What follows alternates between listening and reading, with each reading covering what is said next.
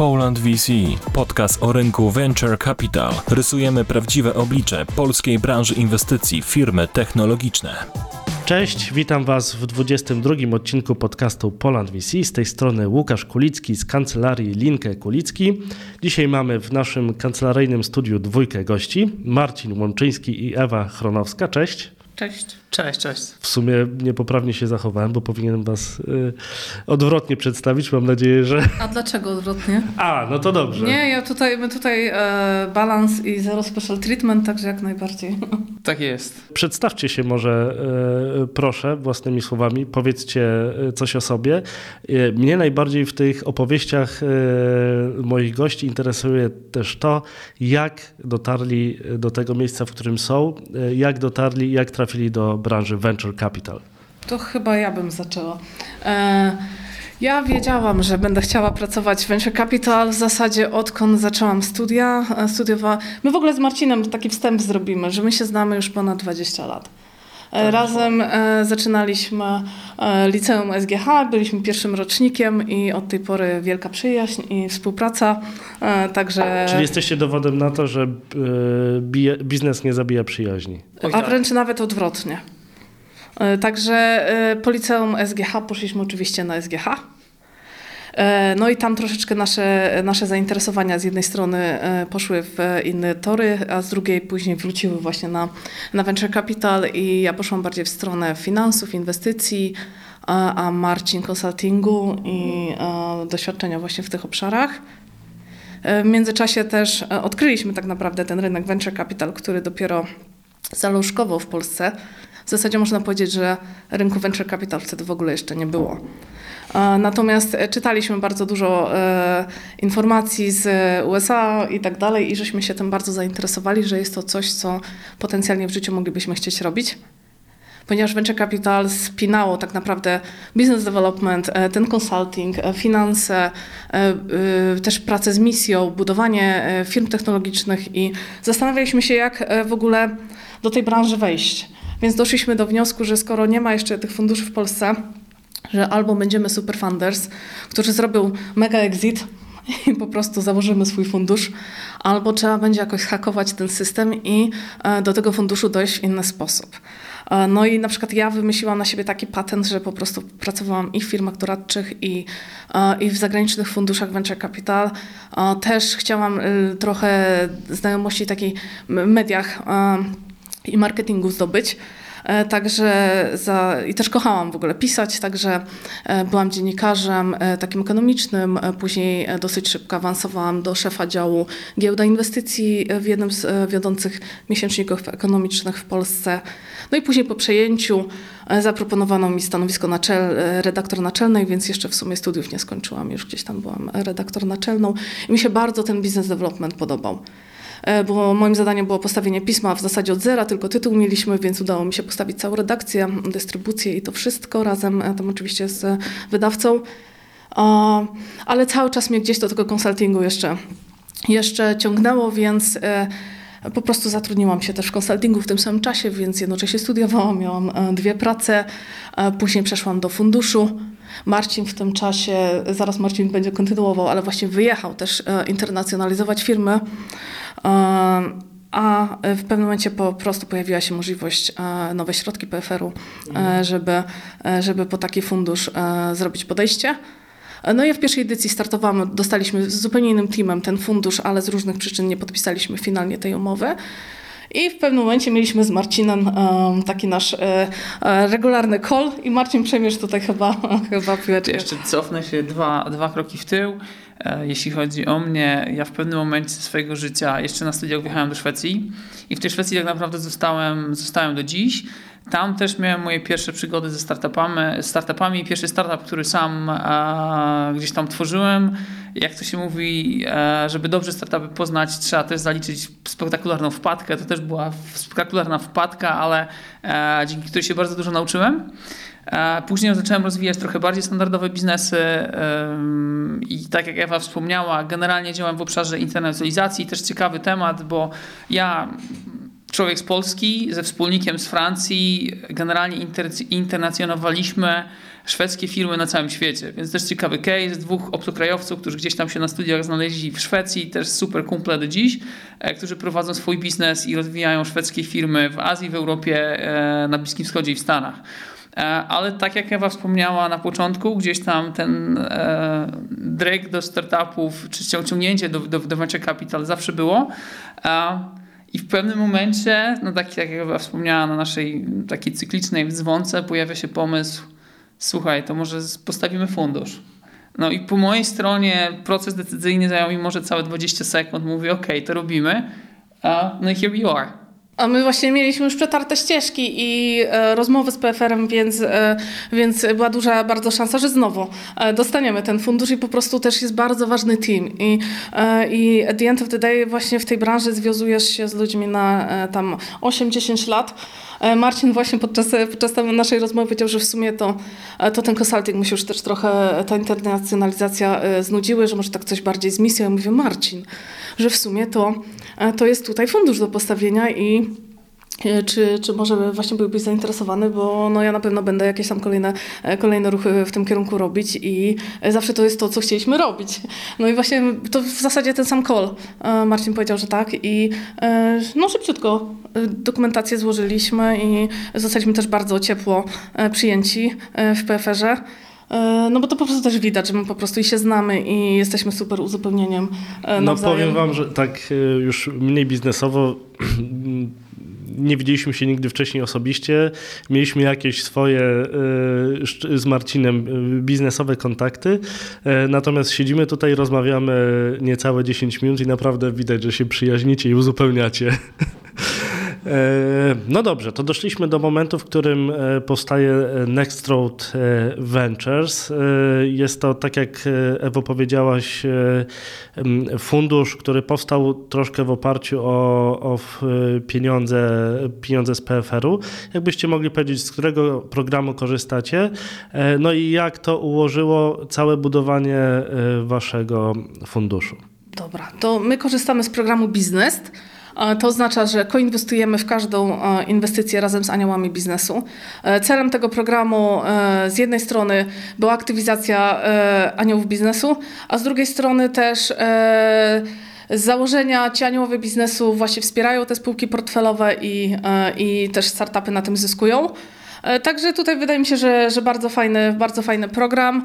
E, Jest to trudny program, bo do każdej inwestycji trzeba e, dobierać aniołów biznesu i oczywiście najlepiej, jeżeli jest to takie pełne smart money, czyli inwestor też ma doświadczenie w tym obszarze, w którym działa startup i poza kapitałem właśnie może bardzo dużo pomóc. Także w każdą inwestycję inwestujemy do 2 plus 2 milionów złotych. Ile macie za sobą już e, inwestycji? 18 inwestycji mamy. 18 spółek w portfelu, także 18 inwestycji. E, także był taki moment, czyli jesteśmy, był, w zeszłym roku byliśmy najbardziej, czy w top 3 najbardziej aktywnych funduszy w Polsce, jeśli dobrze pamiętam. Także e, cisnę, cisnęliśmy ostro. W tym roku też inwestowaliśmy dość, e, dość aktywnie. A tak jak Ewa wspomniała tutaj to, że inwestujemy za aniołem biznesu, też w pewnym sensie trochę determinuje to, jak budujemy portfel. To znaczy e, my z Ewą, patrząc na ten nasz startupowy gdzieś tam background, chcielibyśmy też czasem zainwestować bardzo wcześnie e, na takim naprawdę pre-seedzie, gdzie wiemy, że warto zabetować na, czy zabetować, podjąć ryzyko i zainwestować w zespół.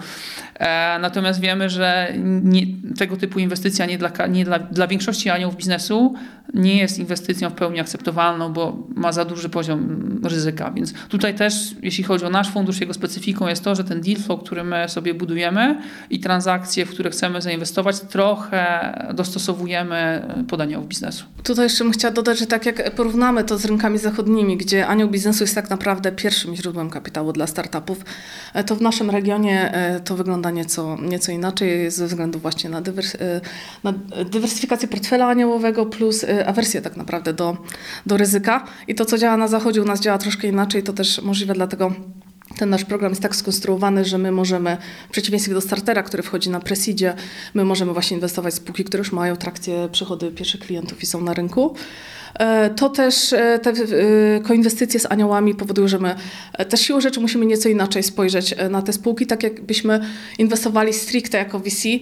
też nasz poziom, poziom potencjalnego ryzyka jest zupełnie inny. Więc o ile fundusze VC tak naprawdę polują na te unicorny, o tyle aniołowie biznesu już niekoniecznie, bo dla nich wystarczy parę, parokrotny zwrot z inwestycji, już są zadowoleni, gdzie matematyka VC po prostu jest nieco inna. Tak, a powiedzcie w, kontekście pandemii, czy widzicie wśród aniołów E, pewną, pewną zmianę polegającą na tym, e, że inwestycja w startup jest kolejnym ciekawym e, rozwiązaniem, który może zabezpieczyć ich kapitał, takim rozwiązaniem, na które wcześniej nie zwracali uwagi. Tak, to się na pewno zmieniło w czasie. Znaczy, pierwsze powiedzmy dni pandemii, czy w pierwszych dniach pandemii na rynek padł blady strach. I tak naprawdę my też jako zarządzający funduszem VC, który koinwestuje za nią biznesu, tak naprawdę nie widzieliśmy co się wydarzy i przewidywaliśmy, że ok, inwestycje pewnie nam staną na dłuższy czas. A to się okazuje, że ten blady strach może będzie w przyszłym roku. Tak jest, tak jest. Dopiero. E, więc e, tak, generalnie e, to, co żeśmy zobaczyli w pandemii, że wielu aniołów odkryło, e, odkryło VC, czy inwestowanie w startupy tak naprawdę jako kolejny asset class i to też... Mm, otwiera jakby kolejny aspekt, myślę, o którym warto porozmawiać, to jest profil aniołów biznesu. I to w momencie, w którym my żeśmy zaczynali fundusz, czyli to był rok 2019, na rynku, jeżeli chodzi o aniołów biznesu, mieliśmy do czynienia trochę z innym typem inwestorów niż mamy do czynienia dzisiaj. Albo mówiąc inaczej, aniołowie biznesu, kiedy my zaczynaliśmy, to byli przedsiębiorcy, którzy na ogół wywodzili się z istniejących biznesów, z tradycyjnych branż, tradycyjna działalność. Natomiast to, co zaczęliśmy obserwować z biegiem czasu, to że tego, do tego grona aniołów biznesu zaczęli też dołączać powoli founderzy. Czyli ludzie, którzy założyli jakiś startup, trochę już się na nim skeszowali i nagle poczuli chęć uczestniczenia w, w tym community startupowym, tylko z trochę innej strony. Czyli nie tylko co-founder, ale również jako inwestor. No to powiedzcie, jak zaczynaliście szukać tych aniołów biznesu na samym początku, e, a jak ich szukacie teraz, bo zakładam, że to jest proces ciągły, tak? To nie jest tak, że możecie bazować e, na jednej liście 50, 100 czy nie wiem, 200 e, aniołów biznesu, tylko, tylko to ciągle ewoluuje. W różnych inwestycjach są różni aniołowie biznesu. Wiadomo, jest pewien core i niektórzy się powtarzają, inwestują w wiele, wiele startupów, ale to się wszystko mieli. Więc jak to wyglądało u Was na początku i jak to się zmieniało mm, na przestrzeni lat? My już też tak naprawdę startowaliśmy z pewną e, siecią aniołów biznesu, także mieliśmy e, pewnie łatwiej. E, niemniej podczas, podczas naszej działalności inwestycyjnej dobieraliśmy zawsze aniołów biznesu i staraliśmy się pozyskiwać tych, którzy będą największą wartością dodaną dla spółek, także cały czas poszerzaliśmy ten network. E, typowymi, typ, typowymi kanałami akwizycji, czyli, e, czyli lunche, kawki, lunche, kawki, e, kawki czasem nawet cold mailing, intra od, od znajomych. Bardzo dużo aniołów też do nas przyszło. Podejrzewam, że też twoje doświadczenia z pracy jako dziennikarza tutaj mogły pomóc. No nie ukrywam, że tak, bo mieliśmy wtedy dobry network właśnie z, ze spółkami giełdowymi właśnie, także tak. Tak, jak najbardziej. Natomiast też bardzo duża część aniołów po prostu do nas przyszła gdzieś tam z polecenia, e, no tutaj niech, e, startupy też nas polecają, e, polecają tak. dalej, także... No to jest chyba najlepsze polecenie. Chyba tak, tak, najbardziej nas, nas, nas cieszy, bo to znaczy nawet mamy biuro, w biurze naszym, nasze spółki portfelowe, co też pokazuje, że, że, że chyba nas lubią, nie? Tak, dokładnie. A to, to, to, to prawda, dzielimy biuro z dwoma spółkami portfelow, portfelowymi. A jest tak, jest, jest tak, jest, jest, są trzy, także Spółki nas nasze lubią. My też podeszliśmy do budowania mm, naszego funduszu, tak jak no, w zasadzie filozofię mieliśmy taką samą jak przy budowaniu firmy. To znaczy e, też od, od początku staraliśmy się nakreślić, jaki mamy USP, e, mm, czym się wyróżniamy, e, jak możemy konkurować z innymi funduszami i tak żeśmy budowali fundusz.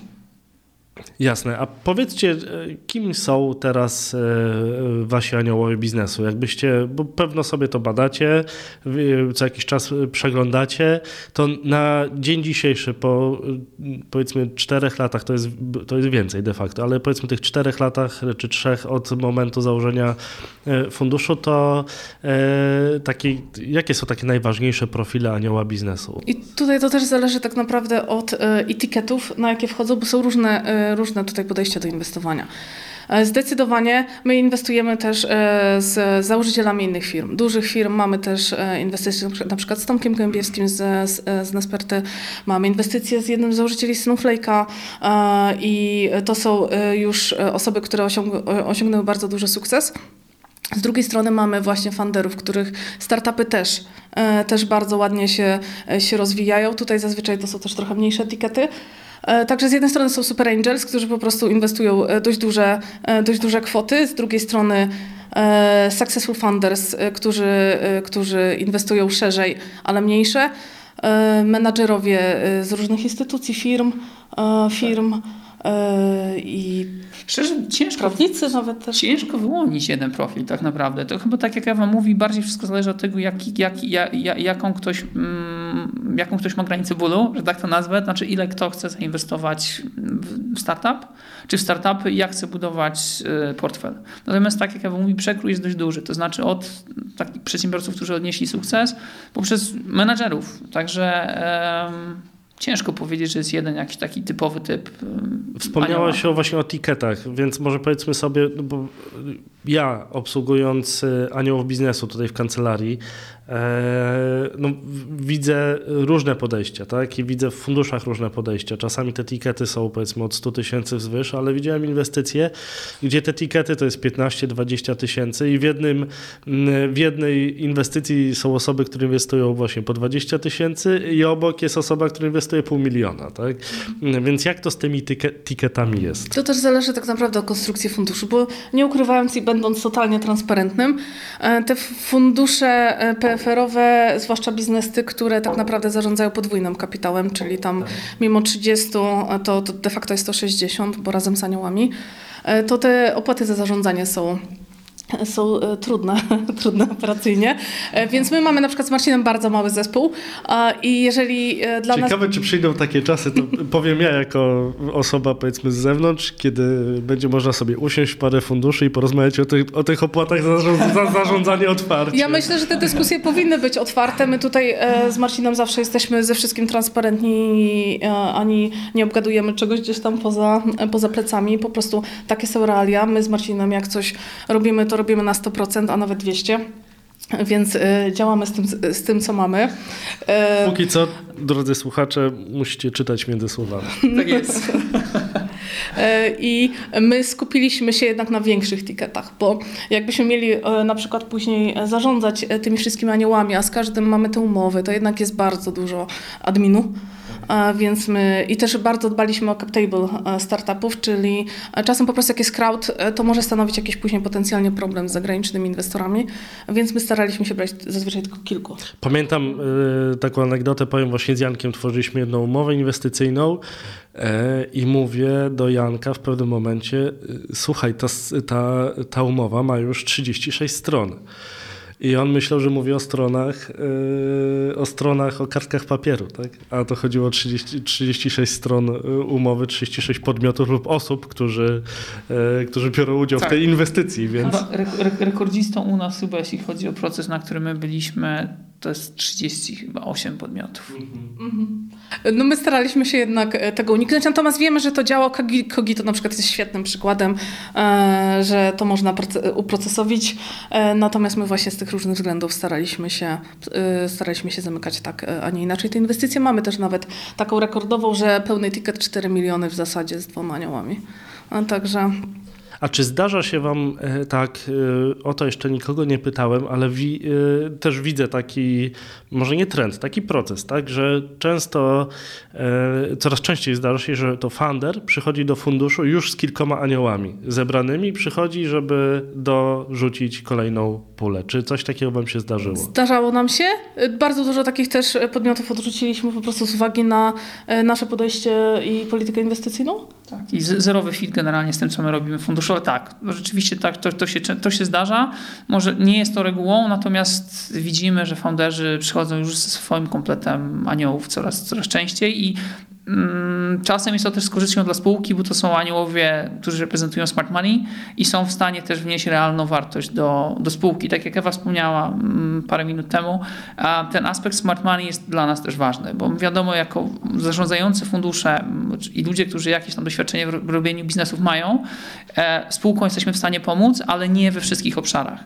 I tu ten anioł biznesu, który potencjalnie może spółkę wspomóc w jakimś obszarze, który jest kluczowy z, z punktu widzenia spółki, jest na pewno tą dodatkową wartością, e, którą warto brać pod uwagę.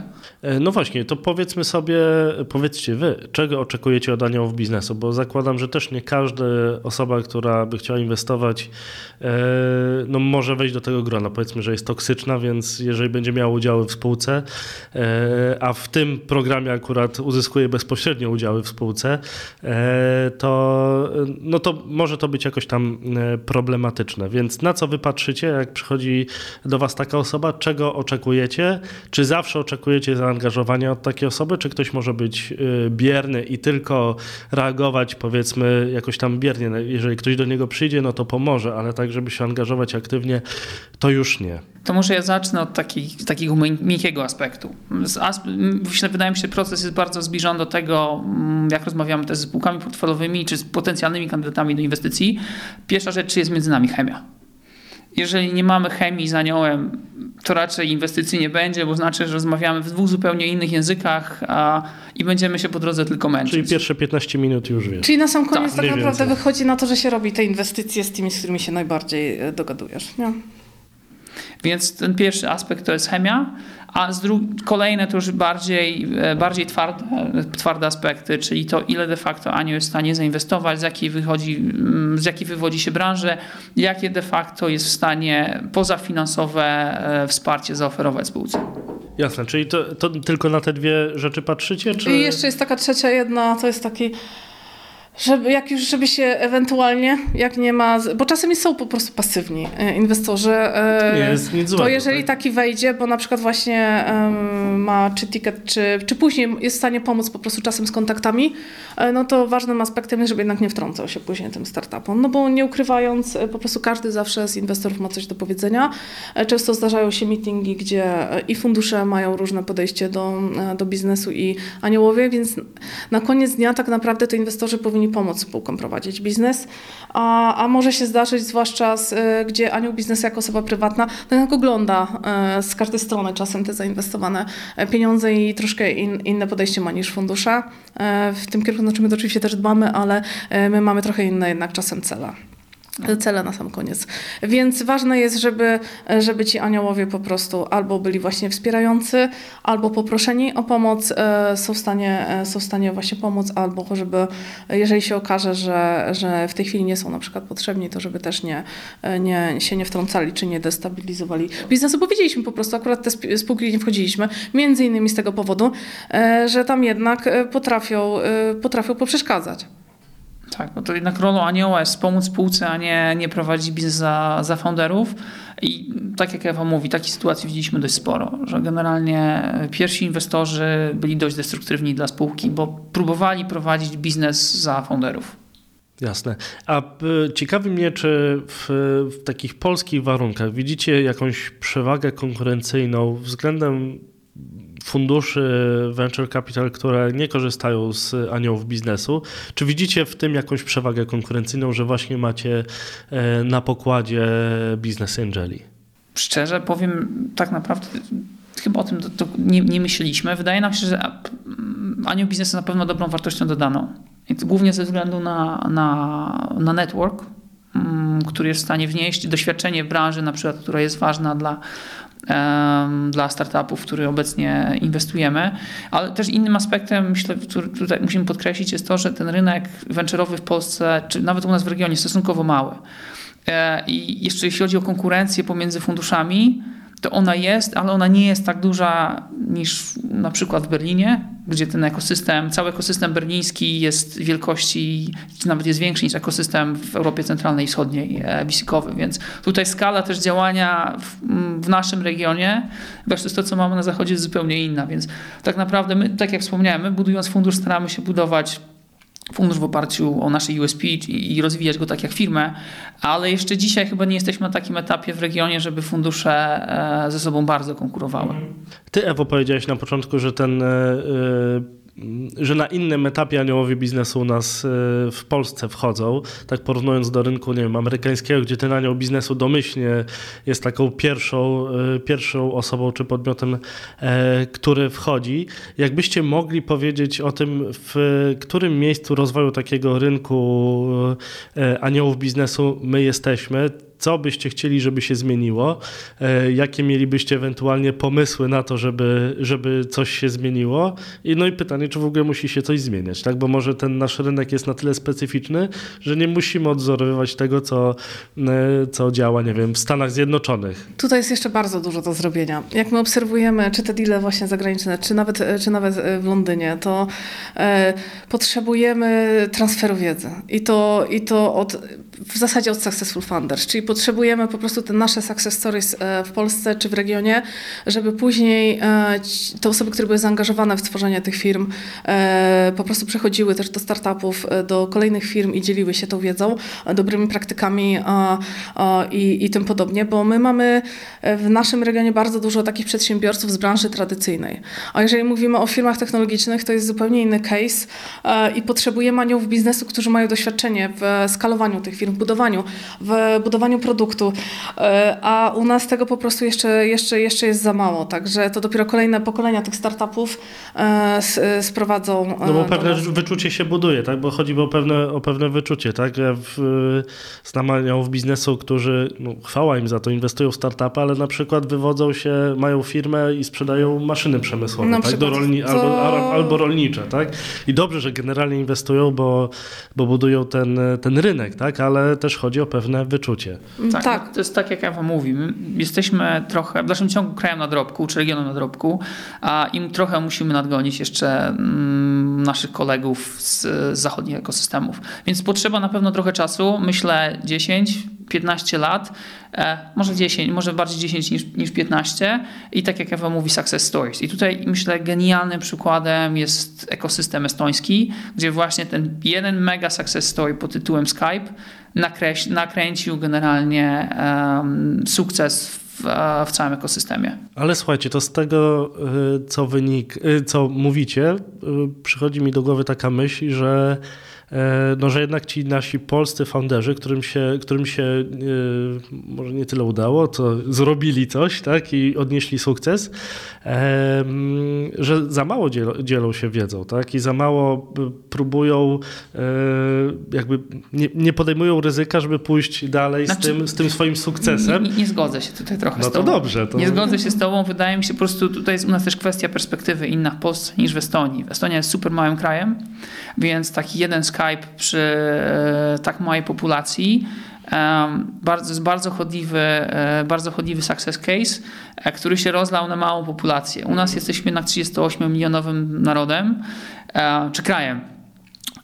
I tych parę już unicornów, których mamy, przełożenie na 38 milionów, no one się jednak rozwadniają dość bardzo. Tym bardziej u nas mamy kilka ośrodków w Polsce. To jest nie tylko Warszawa, to też jest Wrocław, Kraków, Trójmiasto, tych ekosystemów rozwijających się jest, jest kilka, więc u nas po prostu na większej skali jest to cięż, cięższe do osiągnięcia. Natomiast founderzy, ci, którzy osiągnęli sukces, którzy budują te mm, polskie super case'y, jeśli chodzi o startupy, jak najbardziej są aktywni na rynku i to widzimy. Tak, już są, już są aniołami biznesu, z tym, że no my jeszcze tych exitów też, e, też potrzebujemy, żeby skala tych inwestycji po prostu e, była większa.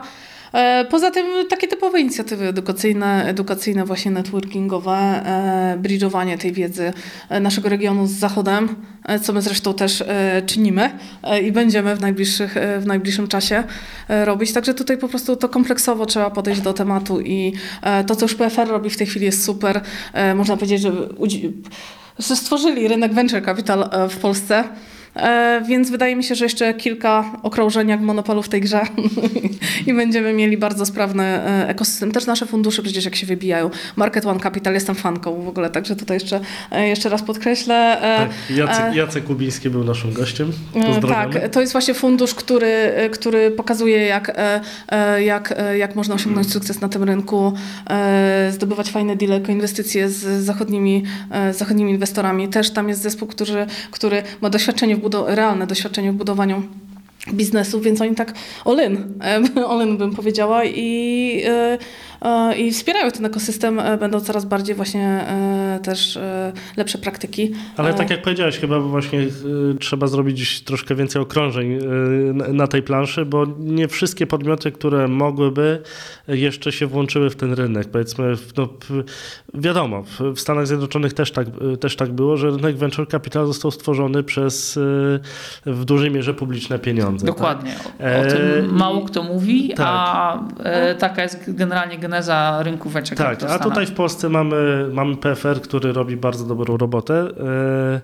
E, mamy, no ale mamy wiele podmiotów, które no nie, nie włączyły się. Tak? Mamy chociażby giełdę, tak? która z tego co wiem też ma swoje, e, swoje plany. Mamy, e, mamy z drugiej strony NCBR z Alfami, ze swoim, ze swoim funduszem NIF, e, ale pewno jeszcze parę innych podmiotów by się znalazło e, do tego, żeby, żeby włączyć w ten ekosystem e, i znaleźć jakiś lewar do tego. Ale to też musi iść jednak w stronę e, środków też prywatnych, no bo instytucja oczywiście instytucji nierówna, ale e, procesy, admin i tak dalej powodują, że po prostu no, na przykład ja jakbym była e, funderem fundraisingującym, to bym się zastanowiła po prostu, czy chce środki publiczne na CapTable Tak. generalnie. I wiemy, że dużo funderów po prostu ucieka gdzieś tam e, po zagraniczny kapitał, czy, e, czy nawet super angels e, prywatne, czy, czy fundusze, które e, tych publicznych środków nie mają. Także z jednej strony e, to jest takie błędne koło, bo z jednej strony ktoś musi pchnąć ten rynek i tutaj, e, tutaj te środki publiczne rewelacyjnie pełnią swoje role, kształcą też przyszłych zarządzających funduszami. Także tutaj jak najbardziej e, jest, e, jest super. E, Z drugiej strony są pewne też ograniczenia e, środków publicznych. No, ale wydaje mi się, że, że i tak na, na, na, na koniec dnia to dosyć fajnie, fajnie u nas zagrało i e, będzie ta kolejna perspektywa e, i to też powinno e, kolejny, kolejny etap otworzyć O, przed o, naszym kolejne rynkiem. wasze Tak. kroki, o, o kolejne wasze kroki jeszcze zapytam, ale teraz chciałbym zapytać o to, jak łączycie proces decyzyjny wasz jako zarządzających funduszem inwestycyjnym z procesem decyzyjnym aniołów biznesu. To są, to są dwie rzeczy, które musicie, które musicie jakoś e, połączyć i nim e, zarządzić. Czy ten proces decyzyjny mm, aniołów biznesu e, różni się od waszego procesu decyzyjnego? Czy wy tym aniołom coś e, narzucacie, jakiś framework, w który oni się muszą wbić? Jak to wygląda? U nas, znaczy sytuacja, czy proces sam jest dość, dość prosty. My działamy w formule deal by deal, także aniołowie biznesu, którzy są, którzy inwestują razem z nami, są w naszym networku, a za każdym razem podejmują decyzję mm, inwestycyjną odnośnie konkre- konkretnej inwestycji, którą robimy, także nie ma, tak jak w przypadku normalnego funduszu, capital coli i po prostu informowania aniołów, którzy są w naszym networku, hej, robimy kolejne inwestycje, więc proces u nas jest dość prosty, znaczy my jako zarządzający funduszem wybieramy naszym zdaniem najciekawsze tematy, w które chcielibyśmy zainwestować. Kiedy taki temat inwestycyjny mamy już przeanalizowany i podjęliśmy decyzję jako zarządzający, że chcemy tę inwestycję mm, przeprowadzić, wtedy e, zwracamy się do naszej e, sieci aniołów czy kontaktujemy się po prostu z naszymi aniołami biznesu, przedstawiamy im szczegóły, mówimy, mamy taki, taki, taki, a, taki, taki, taki deal, taką i taką inwestycję, a otwieramy dialog i dajemy generalnie aniołom szansę na podjęcie decyzji. Na, na, dajemy aniołom szansę na podjęcie decyzji. Oczywiście przed podjęciem decyzji aniołowie spotykają się z founderami i mają szansę poznać spółkę. My też udostępniamy im informacje czy analizy, które my przeprowadzamy, ale każda, na, na koniec każda decyzja inwestycyjna jest podejmowana przez każdego, przez każdego anioła indywidualnie. Te y, większe tikety inwestycyjne też chyba temu pomagają, żeby, żeby jednak być on the same page i, Tak, e, znaczy i żeby to szybciej przeszło. Tak, tak. Tutaj też jest, tak jak Ewa wspomniała, jeżeli mielibyśmy na przykład na dealu 20 czy 15 aniołów inwestujących na mniejszym tikecie, z którymi musimy ten sam proces w zasadzie powtórzyć, versus dwóch, trzech, czterech aniołów na większym tikecie, e, no to tutaj korzyść czasowa jest zdecydowanie po stronie pracy z większymi, e, z większymi aniołami. Więc, tak, jak, tak jak Ewa wspomniała, no jesteśmy małym funduszem, więc musimy też być bardzo efektywni w tym, co robimy, więc optymalizujemy, staramy się optym- optymalizować wiele procesów. Inną rzeczą też e, jest specyfika prawodawstwa. Myślę, w Polsce, jeżeli mielibyśmy się porównać z tym, jak a, moglibyśmy inwestować na wyspach, no, u nas stworzenie dedykowanych SPV-ek pod, pod inwestowanie jest trochę bardziej kłopotliwe niż w Wielkiej Brytanii, więc a ten proces też jest bardziej uciążliwy. Myślę, że jeżeli, jeżeli operowalibyśmy na mm, prawodawstwie brytyjskim, to byłoby nam dużo łatwiej inwestować z większą liczbą aniołów biznesu, bo ten admin po prostu byłby prostszy. Tak, u nas e, już tak z prawniczego punktu widzenia dochodzi wiele czynników e, na czele z tym, czy tworzyć ASI, czy nie tworzyć ASI chociażby. Dokładnie. E, dobrze, to Przejdźmy do tego, bo ciekawi mnie, jak wybieracie startupy. Czy wy jesteście e, sfokusowani na jakimś konkretnym obszarze, czy podchodzicie do tego bardziej e, holistycznie, bym powiedział? Z uwagi na to, że mamy w sieci aniołów e, z różnym doświadczeniem w różnych sektorach, to jesteśmy funduszem agnostycznym. Niemniej nasz sweet spot to na pewno są SASy, marketplace'y, Czyli coś, co da się policzyć. W sensie ciężko mówić może o liczbach na tych etapach, co my, co my jeszcze inwestujemy, ale generalnie... E, ale model biznesowy da się policzyć. Tak, to są też biznesy, które my rozumiemy i najlepiej to chyba inwestować w coś, co się rozumie. Niemniej mamy kilka perełek, i Marcina też e, doświadczenie właśnie w e, cleantechach i, i, i w przemyśle zaowocowało kilkoma inwestycjami nie SASO marketplace'owymi. Tak, mamy parę takich inwestycji, które potwierdzają regułę, że inwestujemy w SASO marketplace'y, a tymi wyjątkami są właśnie nie SASowo marketplace'owe inwestycje. Typu Sunroof. Ale generalnie, e, generalnie w tym, w tym kierunku e, też, e, też będziemy iść w przyszłości z, tam, z dodatkową nutką deep techu, bo to teraz już po prostu jest nawet, żeby jakiś competitive advantage spółki miały, też po prostu zaawansowane technologie na różnych obszarach tam w tych spółkach. No tak ta pierwsza warstwa już się powoli zapełnia, więc trzeba schodzić coraz głębiej, coraz głębiej i się, e, i się e, specjalizować.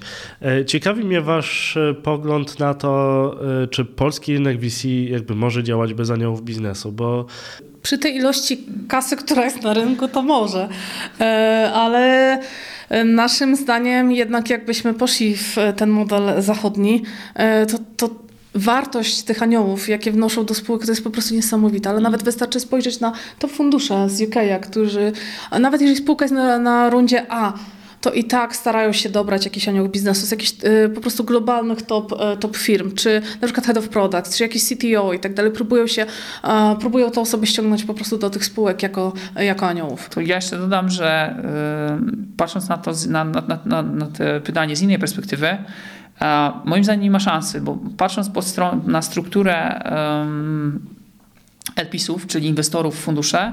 Dzisiaj głównymi inwestorami fundusze Venture Capital w Polsce są właśnie aniołowie biznesu.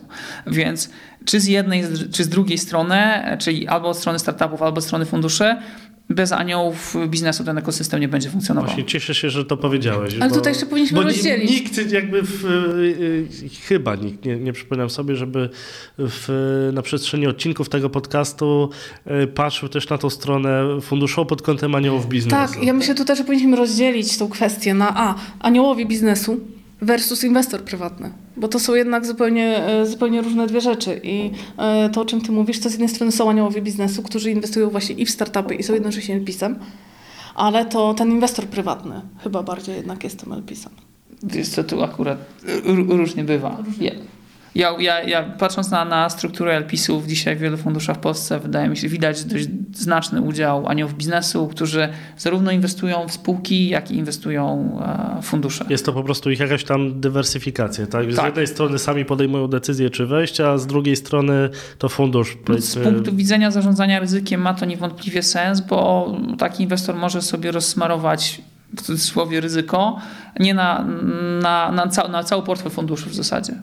No generalnie potrzebujemy e, instytucjonalnych inwestorów. I to Ewa, Ewa tutaj porusza bardzo ważny punkt, że my gdzieś tam porównując siebie w Polsce do ekosystemów zachodnich, no zdecydowanie cierpimy na brak inwestorów instytucjonalnych. Oczywiście nie mówię tutaj o PFR-ze, którzy działają jako fund of funds, ale innych inwestorów instytucjonalnych, którzy aktywnie inwestują w e, fundusze VC. No tego u nas niewątpliwie w Polsce brakuje ale na pocieszenie czy na otarcie łez no możemy popatrzeć też na Europę Zachodnią, gdzie w porównaniu ze Stanami ten odsetek funduszy instytucjonalnych inwestujących w fundusze też jest stosunkowo niski. Czyli mówicie po prostu o funduszach, e, takich tradycyjnych funduszach inwestycyjnych, czy jakichś funduszach rodzinnych, czy mówimy, o, o czym jeszcze? Mówimy mówicie? również o firmach ubezpieczeniowych. Mhm.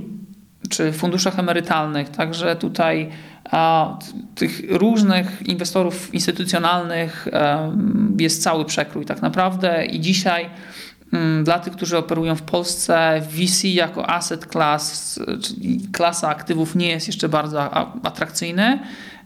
Wydaje mi się, że wiąże się to z tym, jeszcze z, może z niskim stopniem wyedukowania tych inwestorów odnośnie możliwości inwestowania w tego typu podmioty w Polsce. Też track Ale... record funduszy dopiero się tworzy, więc to jest druga, e, no preski, e, super preski jeszcze nie ma jak, nie ma jak zrobić. Też inwestorzy e, prywatni idą na, po prostu na New Connecty giełdę i tam inwestują.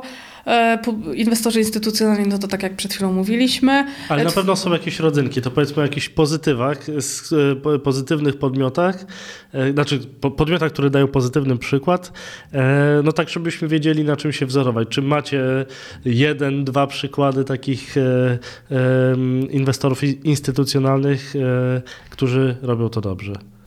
W Polsce niestety nie, nie mogę. do głowy nie przychodzi. Nie, nie przychodzi mi do głowy.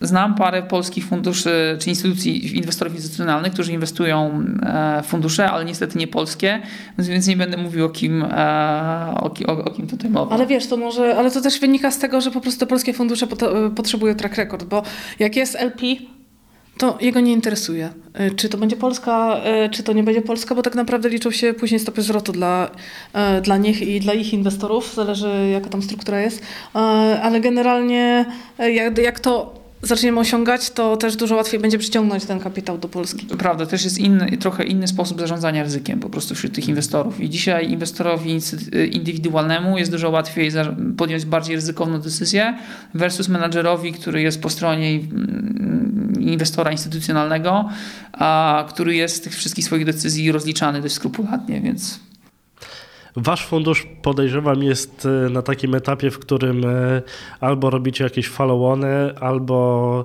e, jeżeli macie jakieś nowe inwestycje, to podejrzewam jest ich mało. Już pewno się skupiacie powoli na tym drugim etapie funkcjonowania funduszu, czyli prowadzenia tych inwestycji tak, żeby, żeby to wszystko dobrze działało i, i następnie wyjścia z tych inwestycji. Stąd moje pytanie, co dalej, tak? Bo te fundusze robi się zazwyczaj na zakładkę, więc czy planujecie już jakiś kolejny, e, kolejny krok? Jeżeli tak, to czy będzie to krok e, też związany z aniołami biznesu, e, czy może, czy może już w jakimś innym modelu? Rozważamy opcje w tej chwili, czyli tak naprawdę z uwagi na to, że mamy ich bardzo dużo, Robimy już typowe analizy po prostu i na sam koniec liczby nam pokażą, w którą stronę pójść. Niemniej na pewno nie chcemy być kolejnym funduszem, których jest po prostu teraz na pęczki, e, więc mamy też swoje value proposition, mamy też Wesbi, mamy e, bardzo duży network wśród funduszy i, i w regionie i poza.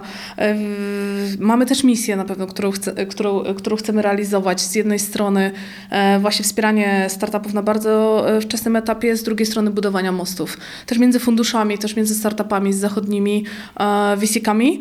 E, i transferu tej wiedzy e, dla naszych spółek. Także no, z drugiej, z trzeciej, czy czwartej, czy piątej strony e, też te nowoczesne sposoby inwestycji nas bardzo interesują. My z Marcinem też jesteśmy biznes deweloperami, więc, więc traktujemy po prostu to, co robimy w tej chwili jako też tworzenie o te nowoczesne sposoby inwestowania zaraz zapytam, e, bo jak już e, dajesz hasło, to ja będę ciągnął za język, ale chciałem e, podpytać wcześniej o te mosty, bo to jest bardzo taka fajna i szlachetna misja, no ale ona coś pokazuje, że skoro waszą misją jest budowanie mostów pomiędzy, nie wiem, aniołami biznesu a, a startupami, czy pomiędzy funduszami, to czy waszym zdaniem jeszcze ta współpraca pomiędzy polskimi funduszami nie jest jest na takim etapie, jak być powinna? Czy... Znaczy to nie tylko chodzi o polskie fundusze, bo e, my współpracujemy z różnymi funduszami w Polsce i trzeba przyznać, że w ogóle w naszym całym regionie jest bardzo silna współpraca.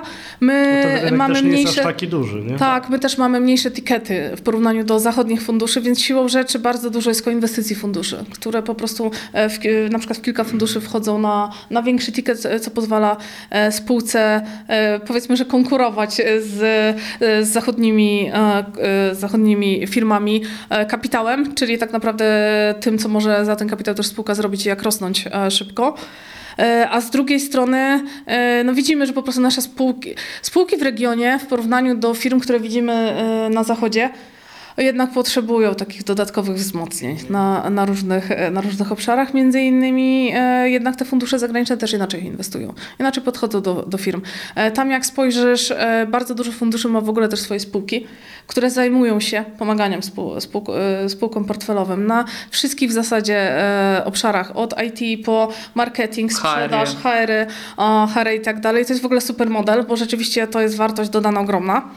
E, I e, tak jak mówiliśmy, no tamte ekosystemy są dużo bardziej rozwinięte, co powoduje, że te startupy od początku w zasadzie robią naprawdę bardzo dobrą robotę. I jak porównujemy e, te firmy, u nas też już zaczyna być widać właśnie, że niektóre naprawdę sobie świetnie radzą, ale to są, można powiedzieć, wyjątki. Ja uważam po prostu, jak patrzę na startupy zachodnie i startupy z Polski, że tam są dużo bardziej startupy przygotowane i do budowy produktu, i do, e, i do e, go-to-market, i e, data-driven. Tak, i na początku myślę też jest kwestia, to Ewa dobrze, mm, dobrze to o, o tym wspomniałaś, też trochę kwestia mindsetu founderów, że Founderzy na zachodzie mają od razu bardzo mindset nastawiony na wzrosty i generalnie na, roz, na budowę firmy, która będzie olbrzymia, w, jakiejś tam niedalekiej przyszłości.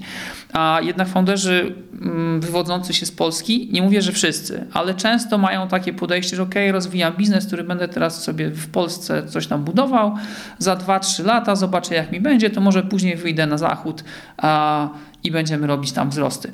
A tak niestety nie da się spółki zbudować, która ma mieć globalny potencjał, bo ją trzeba od początku zaprogramować e, do wzrostów międzynarodowych taki e, budowanie spółki, która w Polsce odniesie sukces i później prze, przemeblowywanie jej po dwóch, trzech latach, żeby gdzieś tam odnosiła sukces na zachodzie, no jest dzisiaj w, obecnym, e, w obecnych uwarunkowaniach no obarczone dość znacznym ciężarem i, i, i ograniczeniem szans na potencjalny sukces. Widzimy też, że wśród VC jest po prostu takie trochę e, hamowanie, hamowanie ewentualnie tej, tej, tej chrapki na, na globala e, od, od początku. I z jednej strony, znaczy my, my rozumiemy ten reasoning funduszy, czy, ale patrząc jak robią to zachodni koledzy, to po prostu trzeba dużo szybciej. Jeżeli tam inwestor, który e, inwestuje, no nie wiem, 1 czy, czy 2 miliony na etapie e, seed, no to on tak patrzy, czy ta firma będzie w stanie w przeciągu tam 15-18 miesięcy się wyskalować do 150 pracowników. No to jak wrócimy na nasze podwórko,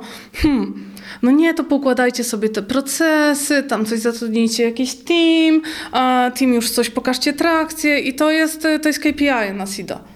A za granicą to po prostu już w ogóle fundamenty do robienia tego SIDA są zupełnie inne. Jasne, że oni za tą kasę jeszcze tych 150 osób nie zatrudnią, ale tam w ogóle jak oni patrzą na to. E, I z jednej strony e, biznesowo e, można obronić obie, oba podejścia, ale jeśli chodzi o VC, no to VC powinno po prostu tak. gotować na, na jednak na skalę. Dla mnie takim, takim przykładem chociażby, nie wiem, jest RAMP, tak, który powstał nie tak dawno temu, już ma na pewno ponad 150 osób. Tak, I ile polskich VC na CapTable? Niewiele. ale chyba mają jakichś polskich angeli. Tak, tak ale tak, to tak. angel, ale mają dobrych, e, dobrych angeli. Ale to jest właśnie to, co Ewa mówi, czy budowanie mostów i to budowanie mostów również pod kątem gdzieś tam transferu mindset, mindsetu i transferu najlepszych praktyk. I to jest ważne. Rzeczywiście zdecydowanie dla nas, myślę, musimy się tego w regionie, i nie mówię tylko o Polsce teraz, ale o, o całym regionie Europy Centralnej i Wschodniej, a myślę jeszcze nauczyć od naszych kolegów z zachodu. A tutaj też dobrym przykładem jest na przykład ekosystem rumuński, gdzie jest pełen super utalentowanych programistów, ale też pod kątem gdzieś tam mindsetu founderów w dalszym ciągu znacznie z tyłu w porównaniu z Zachodem. Co miałeś Ewo na myśli, y, po, mówiąc o nowoczesnym inwestowaniu? A, bo są różne, różne trendy i demokratyzacja inwestowania i nam się to z jednej strony bardzo podoba, no z drugiej to też oczywiście trzeba podejść do tego jak do business developmentu. My z Marcinem teraz e, e, analizując nasze, nasze kolejne ruchy, e, gdzie my możemy tak naprawdę pójść każdą ścieżką, to teraz badamy po prostu różne tematy i my Mówisz o, o kwestiach związanych z Web3, tak? Z, e, czy z, z... Nawet nie do końca, ale powiedzmy, że jest to jeden z... E, Jedna ze ścieżek. Bardziej chodzi o to, że dzisiaj możemy z jednej strony biorąc pod uwagę technologię i też różne, różne uwarunkowania, inwestowanie w startupy możemy można otworzyć trochę szerszej e, rzeszy potencjalnych inwestorów. I nie mówimy tutaj o takich typowych crowdfundingowych sytuacjach, tylko po prostu odczarowywanie jakby VC jako klasy aktywów dla przeciętnych inwestorów. A powoli zaczynają się bardzo ciekawe rzeczy dziać w Stanach. Myślę, Angelist jako taki pierwszy w zasadzie podmiot, który umożliwił mm, tworzenie rolling fundów, czyli też takich funduszy, których... Subskrypcyjnych. Taki, dokładnie. Subskrypcyjne fundusze, czyli nie taki tradycyjny fundusz, który ma LP-ów zakomitowanych na a, 10 lat, którzy muszą... Um, fundusz, który w przeciągu 4 lat inwestuje w jakąś tam określoną liczbę startupów i, i, i tworzy portfel, portfel, tylko właśnie subskrypcja a na mniejszych ticketach. Oczywiście to, co mamy na zachodzie, czy głównie w Stanach, to w dalszym ciągu muszą to być inwestorzy e, akredytowani, a, więc tam jest trochę większa uciążliwość jeszcze, jeśli chodzi o inwestowanie. U nas musi to być, e, u nas te kryteria są trochę U nas to się nawet nie da tego zrobić, więc nawet jakbyśmy chcieli, to, e, to, to raczej będziemy patrzeć w kierunku e, sąsiadów w UK. Tak, ale generalnie chodzi, tak jak Ewa mówi, patrzymy na, na, na to, co dzieje się na zachodzie, zastanawiamy się, jak ten VC odczarować dla, dla szerszej grupy inwestorów i starać sprawić się, żeby jako asset class był bardziej przyjazny potencjalnym odpisom. Tak, my też, my też mamy takie różne synergie operacyjne z różnymi naszymi e, innymi działalnościami, e, więc jakby siłą rzeczy, siłą rzeczy powinniśmy, powinniśmy po prostu zmerdżować różne aktywności i po prostu zbudować pewnie całą taką grupę inwestycyjną. No ja już tutaj oczywiście imperium mi się jakieś potencjalne marzy, no my z Marcinem na pewno, na pewno będziemy, będziemy tak dosyć, dosyć wysoko, wysoko, wysoko mierzyć. Uważamy, że, że tego w regionie nie ma, E, nie ma i na pewno będziemy po prostu budować e, różne formy, e, formy inwestowania, channelować tam inwestorów rozmaitych, koinwestować z funduszami z networków właśnie, a z, a z Web3 się jeszcze na chwilę wstrzymamy, bo patrząc na, na to, co się obecnie dzieje na rynku, sentyment do wszystkiego, co jest naokoło krypto i niestety Web3